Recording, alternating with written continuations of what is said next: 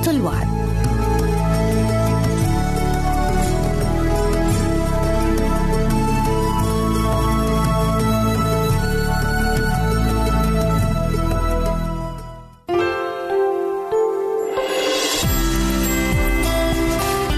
هنا إذاعة صوت الوعد.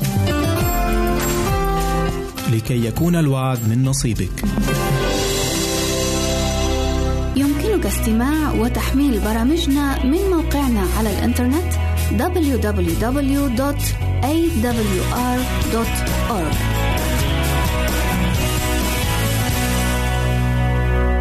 أعزائي المستمعين والمستمعات يسعدنا استقبال رسائلكم على العنوان البريد الإلكتروني التالي راسلنا at مرة أخرى بالحروف المتقطعة r a s i l n a at a l شرطة w a a d دوت تي في منتظرين رسائلكم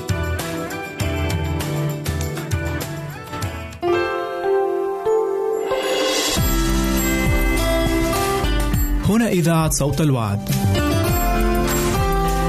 لكي يكون الوعد من نصيبك.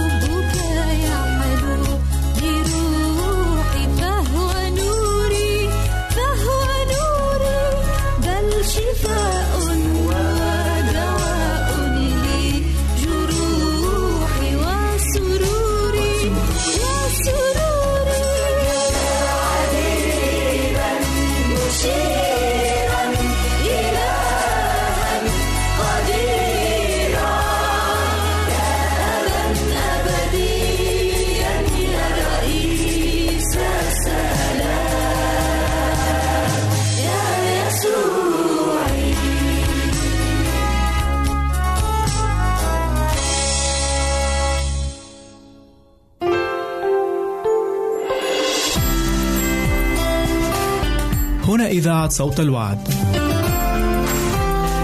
لكي يكون الوعد من نصيبك. يمكنك استماع وتحميل برامجنا من موقعنا على الإنترنت www.awr.org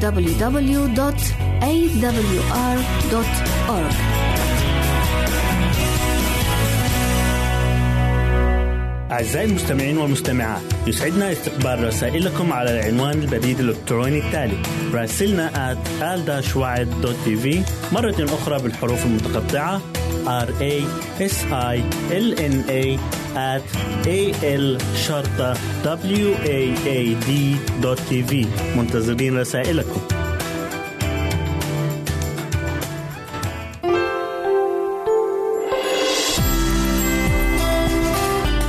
هنا إذاعة صوت الوعد.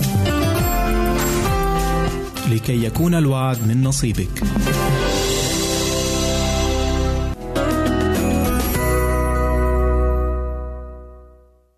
لماذا الألياف مهمة؟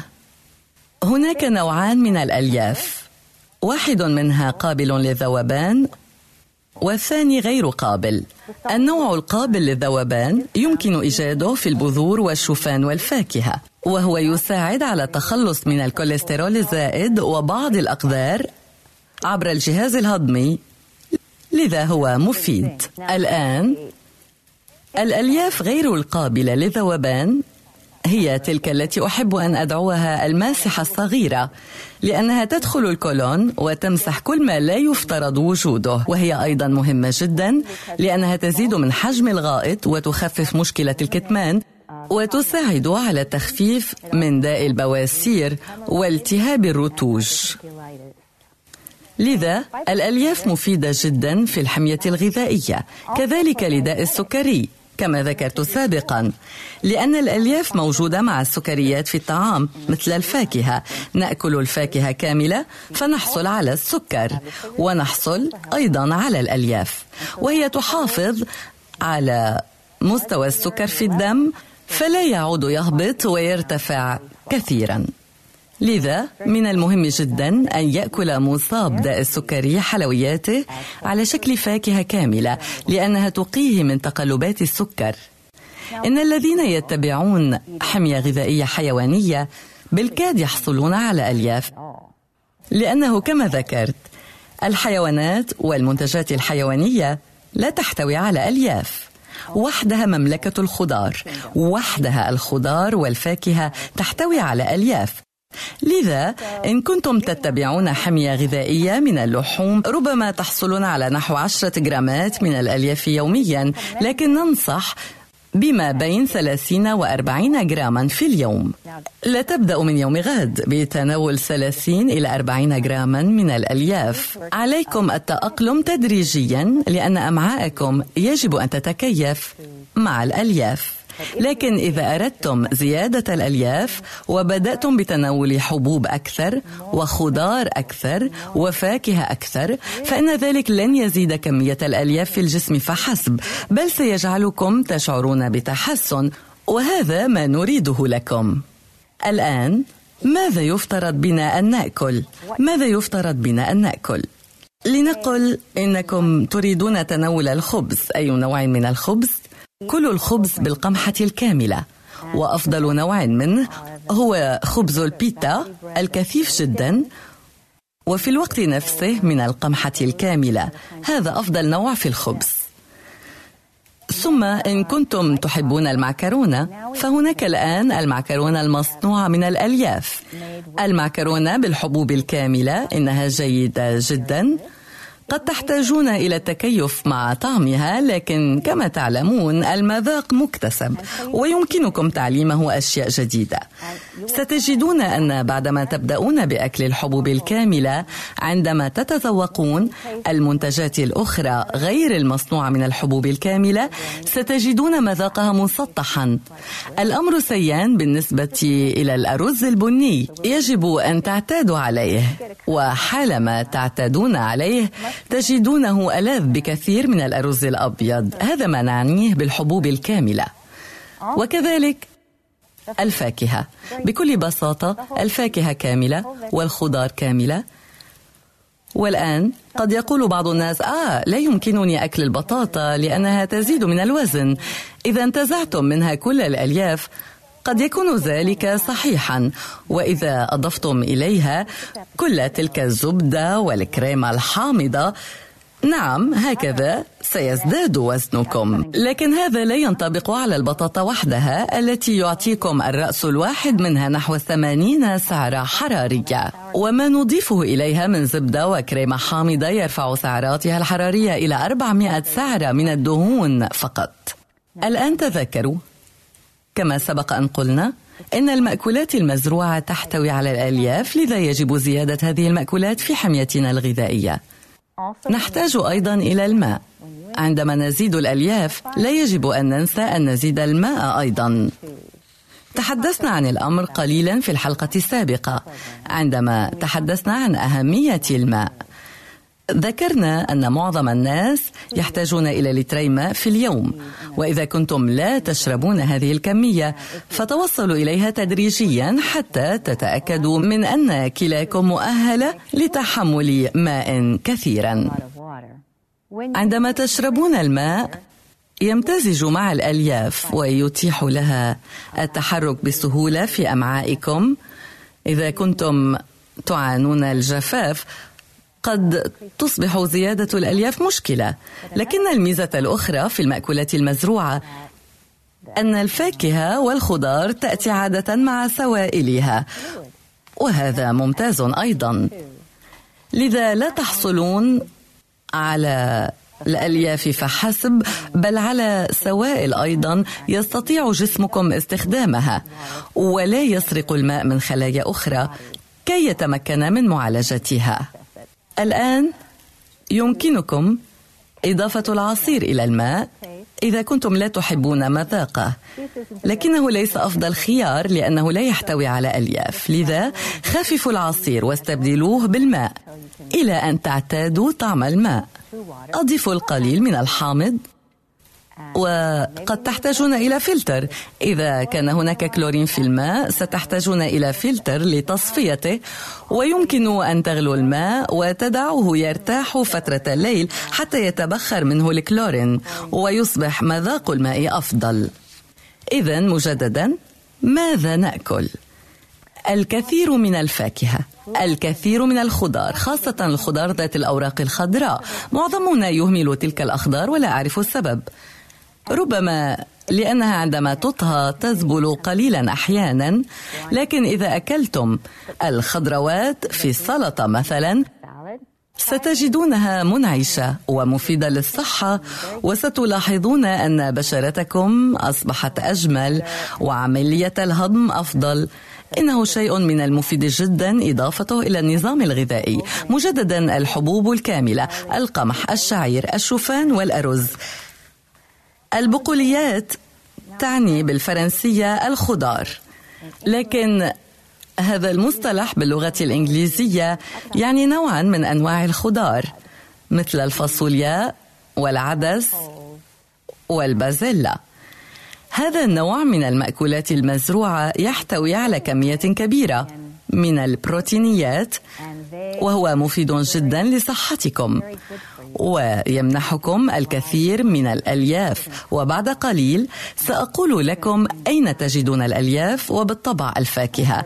هنا أشدد على أنكم عندما تأكلون المكسرات والبذور لتكن الكمية مقدار حفنة اليد. أجري دراسات كثيرة حول المكسرات وفوائدها الصحية ويبدو أنها مفيدة للقلب. نظن عادة أن الدهون ليست جيدة للقلب، لكن الدهون المشبعة التي تأتي من المصادر الحيوانية هي التي تشكل مشكلة للقلب. الدهون التي في المكسرات تحتوي على مكملات غذائية مثل الأوميغا 3 والأوميغا 6 والأوميغا 9 وقليل من الدهون المشبعة أيضا لكنها تحتوي على البروتين وعلى الألياف وهذا المزيج صحي جدا للقلب. الأشخاص الذين شاركوا بدراسات عن المكسرات انخفض لديهم معدل الكوليسترول.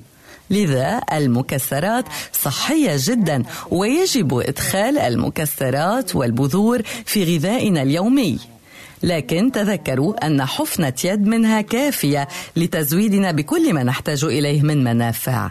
ثمة نوع بذور أود ذكره هو بذر الكتان. إنه مهم جدا لاحتوائه على كمية كبيرة من الأوميغا ثلاثة. لكن قشرة البذرة قاسية جدا ويجب طحنها. لكنها تصبح بعد ذلك سهلة التناول يمكن إضافتها إلى حبوب الفطور والسلطة أو ما شئتم. وهي مفيدة جدا. يمكن أن تبدأوا بملعقة صغيرة ثم تنتقلون إلى ملعقة كبيرة. هكذا تقدمون فائدة كبيرة لبشرتكم ودماغكم وداخل شرايينكم. فوائد صحية كثيرة من الأوميغا ثلاثة من بذر الكتان. كذلك احفظوه في البراد كي لا يفسد لأنه يتأكسد بسرعة. لذا رجاء احفظوه في البراد بعد طحنه. إذا يجب تناول الطعام بأقرب ما يمكن إلى شكله الطبيعي. إذا فعلتم ذلك تحصلون على كثير من الفيتامينات والمعادن والبروتينات والكربوهيدرات والدهون المفيدة والألياف وحتى الملح والسكر الذي تحتاجه صحتنا. لكن عندما يكون الطعام مكررا يتغير ولا يعود مغذيا. لذا كلوا من مملكة المأكولات المزروعة. إذا نظرتم إلى الألوان من أحمر وأزرق وأخضر والبني الغامق هي كلها ألوان ستحميكم. هذه الألوان حمت المزروعات وهي تنمو الآن ويمكنها حمايتكم. إنها غنية بالمواد المانعة للأكسدة والفيتوكيميائيات والفلايفانويد الذي يحارب السرطان ويحمينا من أمراض كثيرة. إذا كلوا من المجموعات الغذائية الجديدة الأربعة. ما هي هذه المجموعات؟ إنها الحبوب الكاملة الفاكهة الخضار والبقوليات ومن ضمنها المكسرات والبذور. إذا أكلتم بهذه الطريقة تختارون الصحة الجيدة. في لقائنا التالي سنتابع نقاشنا حول أسرار الصحة الثمانية. السر الأول الأكل ببساطة.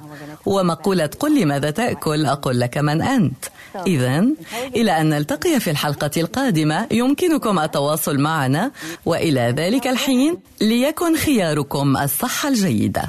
هنا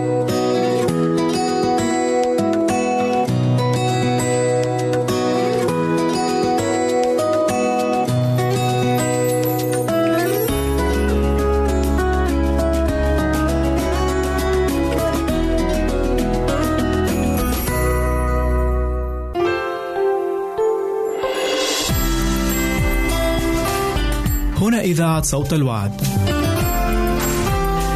لكي يكون الوعد من نصيبك. يمكنك استماع وتحميل برامجنا من موقعنا على الإنترنت www.awr.org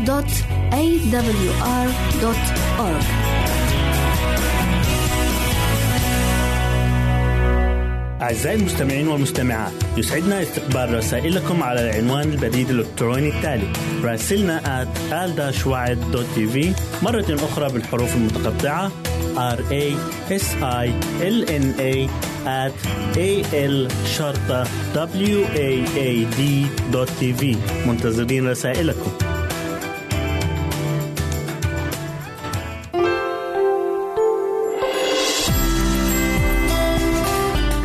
إذاعة صوت الوعد. لكي يكون الوعد من نصيبك.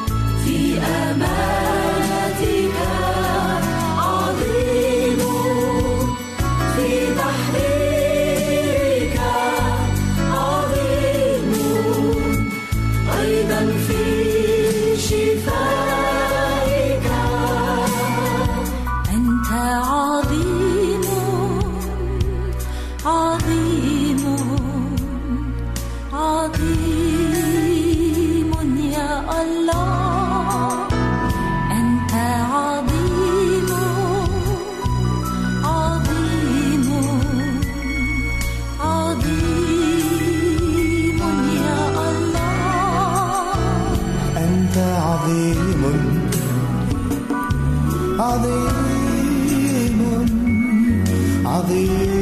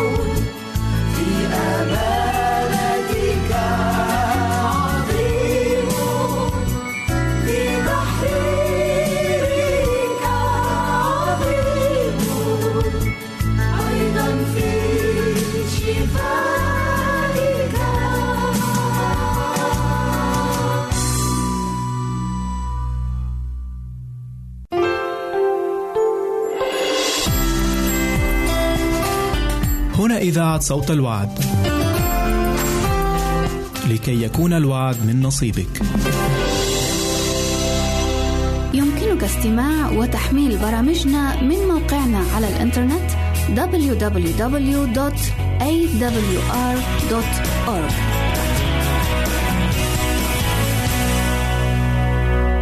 أعزائي المستمعين والمستمعات يسعدنا استقبال رسائلكم على العنوان البريد الإلكتروني التالي راسلنا at مرة أخرى بالحروف المتقطعة r a s i l n a at a l شرطة w a a d منتظرين رسائلكم.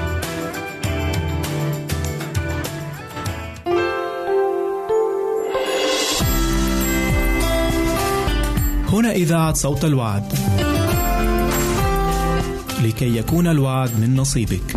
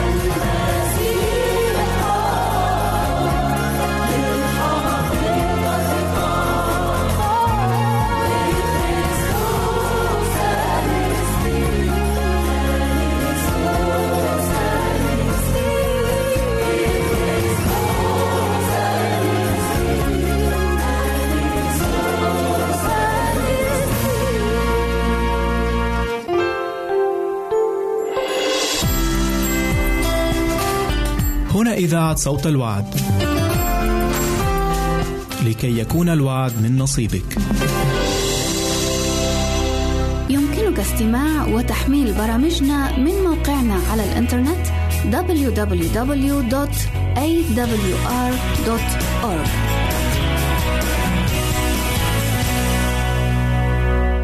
أعزائي المستمعين والمستمعات يسعدنا استقبال رسائلكم على العنوان البريد الإلكتروني التالي راسلنا at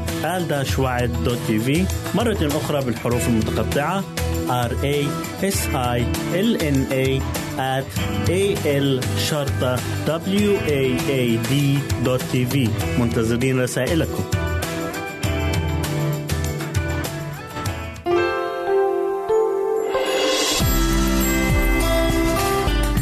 إذاعة صوت الوعد.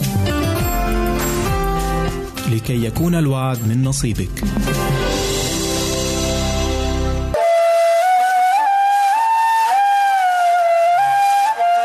الإيمان والحياة الكتاب المقدس كلمة الله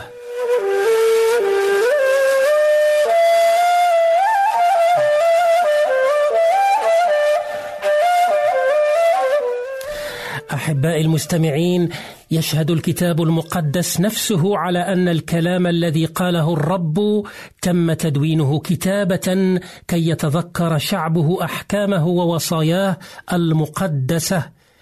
كتب موسى هذه الشريعة وسلمها إلى الكهنة. هذا ما نقرأه في سفر التثنية الأصحاح التاسع والعدد الحادي والثلاثون. وأصبحت كلمة الله وثيقة أساسية لتعليم الشعب. نقرأ هذا في سفر الخروج الأصحاح الثاني عشر. وكلام الله هذا ليس عبارة عن أحرف وآيات تقرأ وتجود بل هو شريعة محبة على المؤمن أن يستبطنها ويتركها تستقر في قلبه وتقود حياته. وهو المفهوم الجديد الذي أسسه العهد الجديد وجسده السيد المسيح في حياته وأعماله.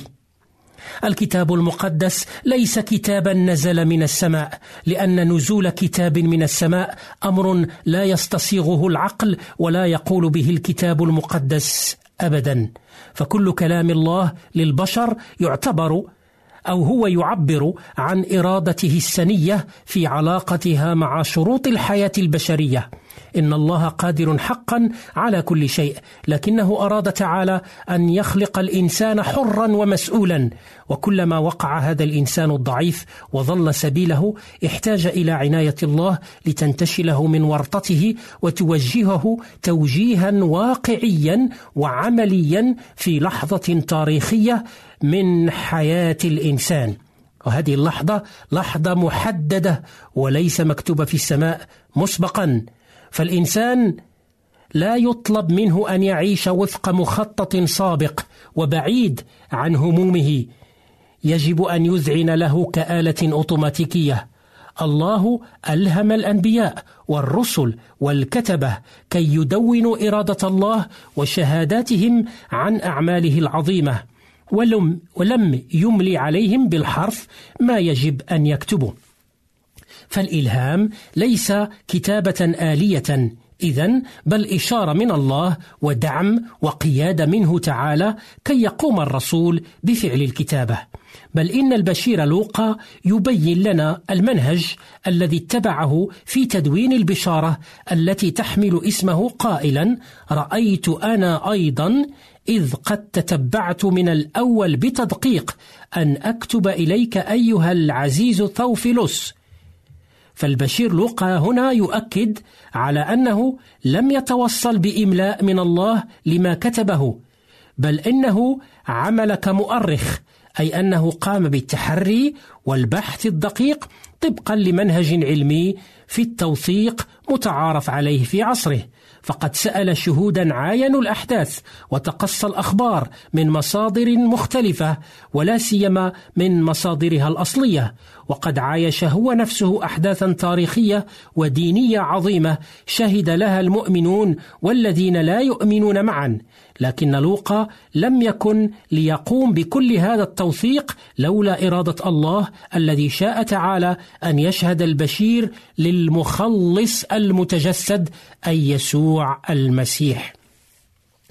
في العهد الجديد كما في العهد القديم إعلانات كثيرة عن شخص الله وعن محبته لنا وأعماله من أجلنا الله في العهد الجديد يتجلى لنا من خلال صفات المسيح وأعماله وذلك لأننا لا نستطيع رؤية الله تعالى أو معرفته حق المعرفة ما دام يسكن بعيدا عنا ونظرا لسمو شخصه وتعاليه عن شروط حياتنا الأرضية.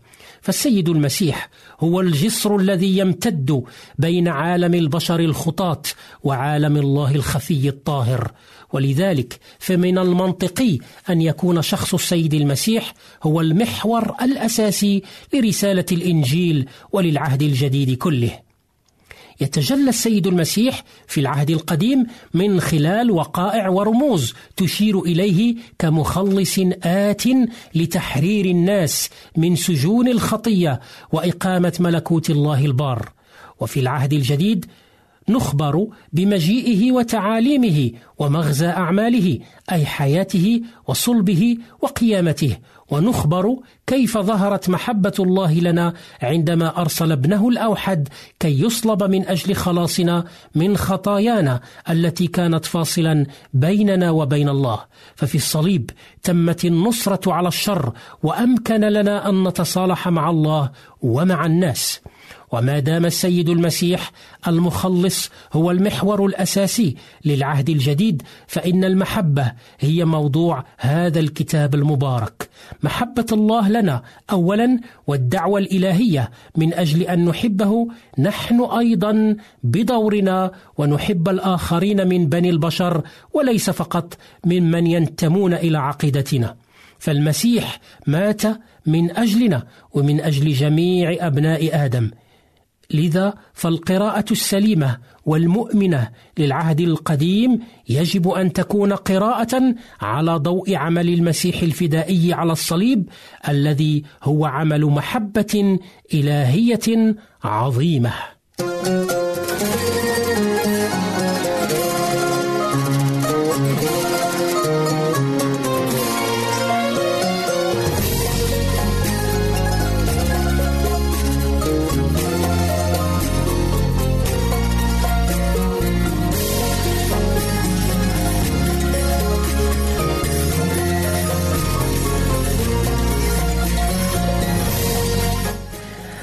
أصدقائي المستمعين الكتاب المقدس هو المعيار الأساسي في تحديد أركان الإيمان المسيحي وما يترتب عنه من سلوك ومواقف سواء في العبادات أو المعاملات الأخلاقية. فالكتاب ليس كباقي الكتب لأنه يتضمن حقائق خطيرة تهم حياتنا الأبدية. إنه مقدس بمعنى, أنه مفرز ومتميز عن الآثار الأدبية الأخرى لما يتضمنه من كلام هو كلام الله تعالى نفسه. فالعهد الجديد يقر بأن الروح القدس أي روح الله هو الذي ألهم كتاب العهد القديم.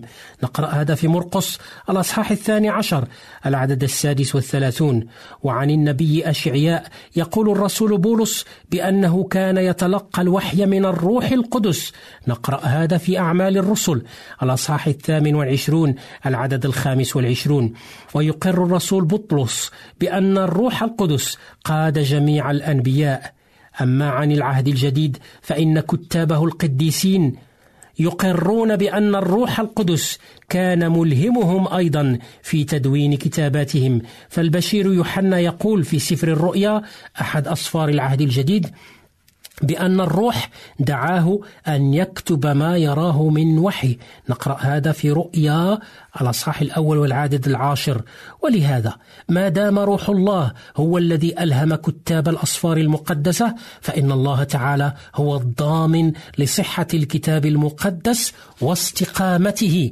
وعلى هذا الأساس يكون إيماننا سليما وحقا بقدر ما يتطابق هذا الإيمان مع الأصفار المقدسة أو ما تدعو إليه والتي تعلن لنا إرادة الله وتوجيهاته السامية. فاستشهاداتنا في أمور الإيمان والممارسة لا بد وأن تكون من الكتاب المقدس دون سواه إذ لا توجد سنة أو حديث أو تقليد ينبغي أن نطيعه من أكثر من طاعتنا للكتاب المقدس بل لا يجوز أن تتأسس عقائدنا إذا أردنا لها أن تكون كتابية على غير كتاب الله. لا يجوز أن هذه العقائد تتأسس على غير كتاب الله ألا وهو الكتاب المقدس.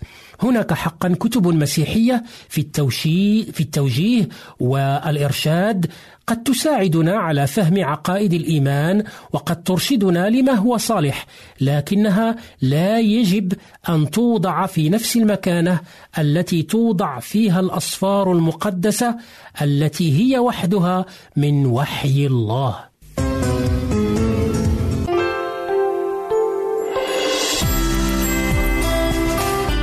هنا إذاعة صوت الوعد. لكي يكون الوعد من نصيبك. يمكنك استماع وتحميل برامجنا من موقعنا على الإنترنت www.awr.org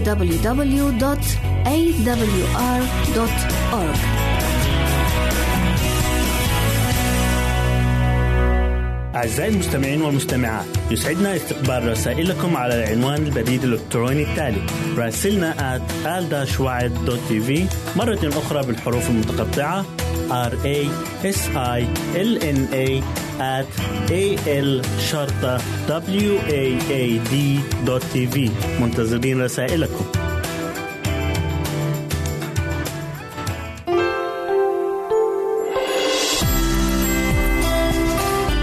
هنا إذاعة صوت الوعد. لكي يكون الوعد من نصيبك.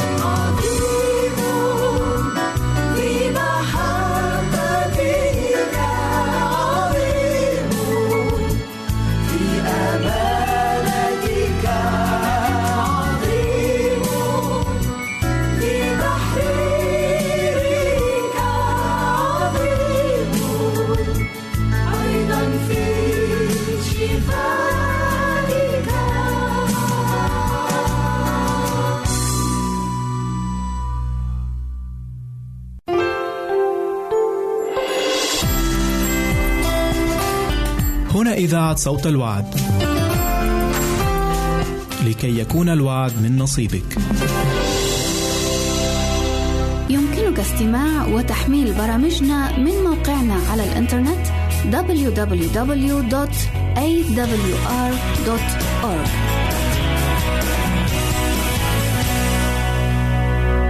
أعزائي المستمعين والمستمعات يسعدنا استقبال رسائلكم على العنوان البريد الإلكتروني التالي راسلنا at مرة أخرى بالحروف المتقطعة r a s i l n a at a l شرطة w a a d منتظرين رسائلكم.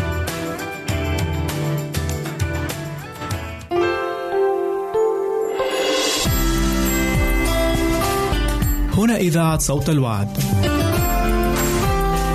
لكي يكون الوعد من نصيبك.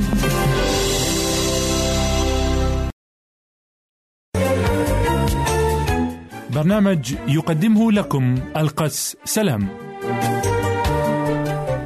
أعزائي المستمعين معكم يطيب لنا اللقاء فأهلا ومرحبا بكم في الجزء الثاني من موضوع عالم الأبدية السعيد وبرنامجكم دراسات كتابية.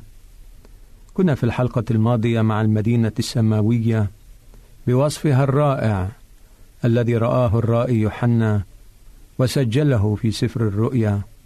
واليوم سنتابع الحديث عن مميزات هذه الأرض الجديدة واستعدادنا للحياة هناك عن قريب. أتمنى لكم مع هذا اللقاء بركة القدير.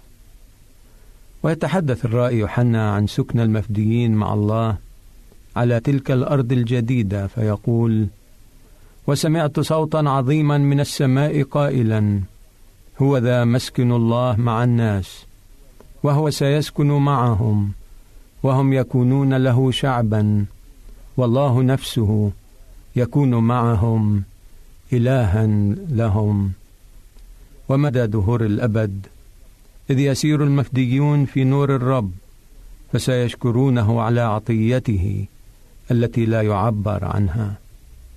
سيجري في الأرض الجديده نهر الحياة خارجا من عرش الله ويجري بموازاة شارع المدينة. أما شجرة الحياة فتكون قوسا فوق النهر بحيث تكون جذورها على الجانبين وكل شهر تعطي ثمرها. وخلال الأبدية سيظل المفديون يتناولون من شجرة الحياة ومن ماء الحياة. يشير هذا الرمز إلى أن الاحتفاظ بحياتهم الروحية والجسدية التي تعتمد على اتحادهما المتواصل بالمسيح وبذلك يتم الوعد للمرأة السامرية والمفديين إلى مدى الأجيال والوارد في إنجيل يوحنا الإصحاح الرابع وآية 14 ولكن من يشرب من الماء الذي أعطيه أنا فلن يعطش إلى الأبد بل الماء الذي أعطيه يصير فيه ينبوع ماء ينبع إلى حياة أبدية. وسيشعر المفديون بالسعادة الدائمة حيث يمسح الله كل دمعة من عيونهم. وقد يسأل البعض عن أي يوم خاص للعبادة سيحفظه المفديون في الأرض الجديدة. يقول إشعياء النبي مقدما لنا الجواب بقوله في الإصحاح السادس والستين وآية 23 ويكون من هلال إلى هلال ومن سبت إلى سبت. أن كل ذي جسد يأتي ليسجد أمامي. قال الرب. لقد كانت وصية السبت ضمن الشريعة المعطاة في سيناء.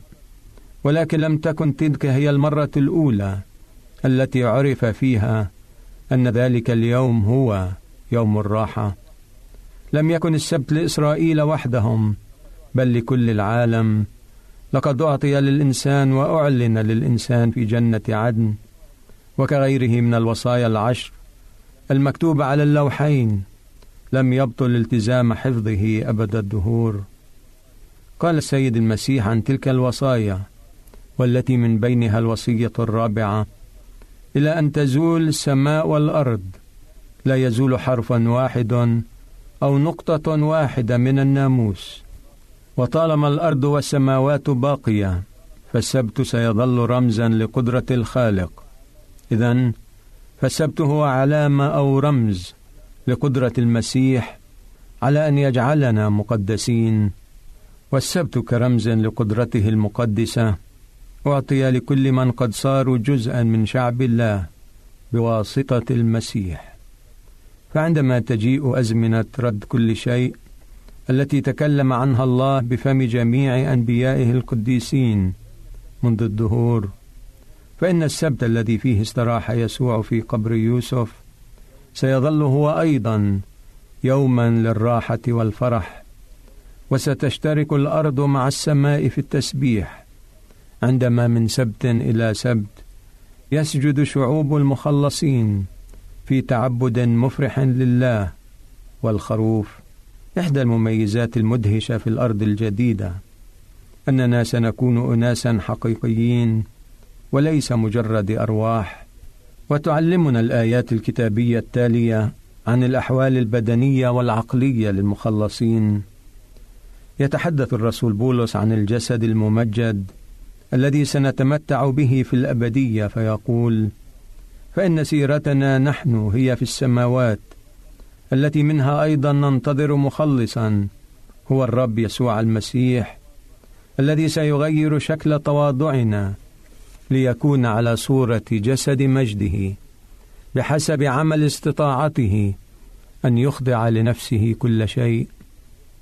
أما إشعياء النبي فيتحدث عن بناء البيوت والسكن فيها وغرس الأشجار وأكل ثمرها.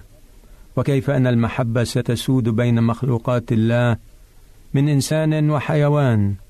ثم يتابع قوله بهذه الكلمات فيسكن الذئب مع الخروف ويربض النمر مع الجدي والعجل والشبل والمسمن معا وصبي صغير يسوقها.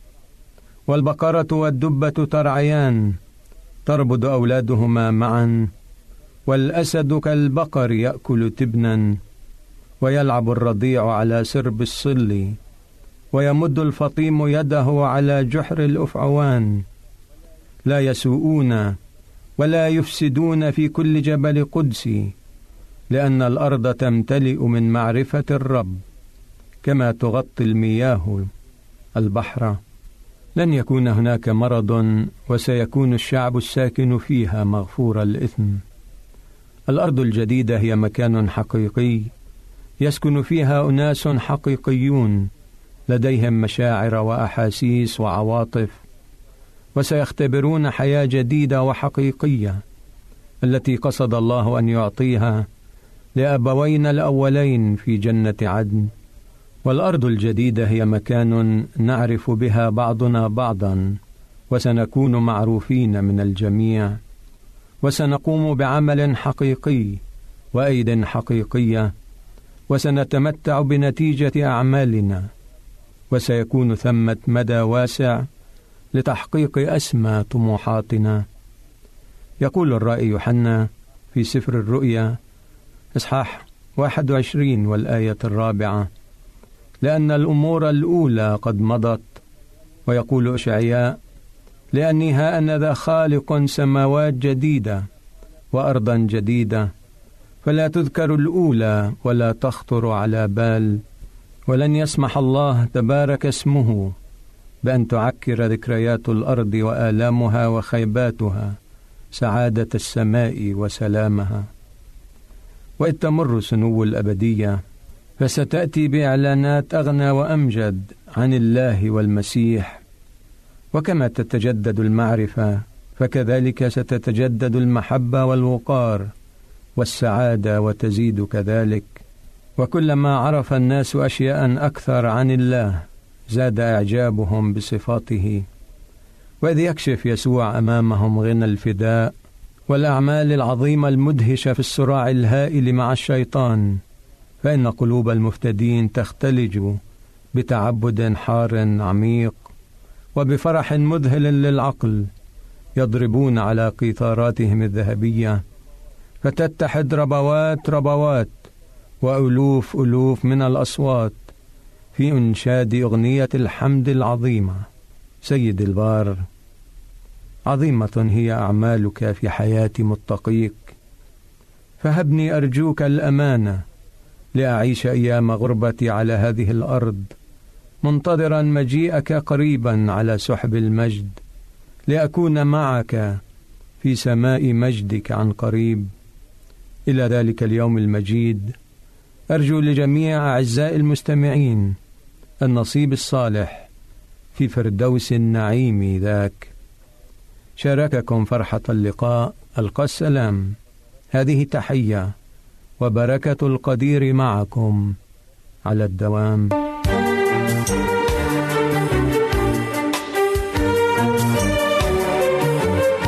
كنتم في الاستماع إلى دراسات كتابية والقس سلام وإلى اللقاء مع حلقة جديدة.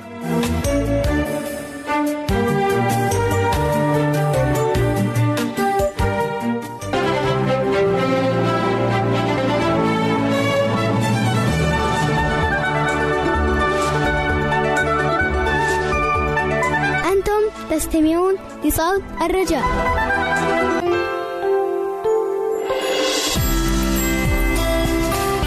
هنا إذاعة صوت الوعد. لكي يكون الوعد من نصيبك. يمكنك استماع وتحميل برامجنا من موقعنا على الإنترنت www.awr.org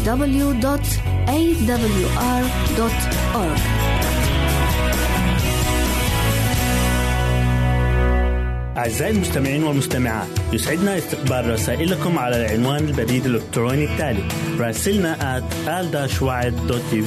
مرة أخرى بالحروف المتقطعة r a s i l n a at a l شرطة w a a d منتظرين رسائلكم.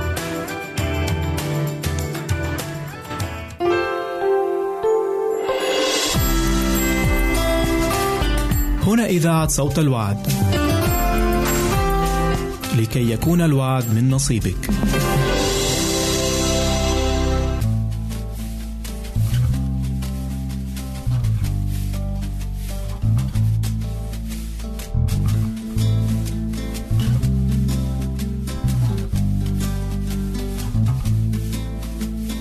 شايفك حزين ده أنت كنت مالي الجو كلام شايفك تعيس كان كل الناس حواليك حاسين بفرح. شايفك حزين ده انت كنت مالي الجو كلام ومرح. شايفك تعيس كان كل الناس حواليك حاسين بفرح.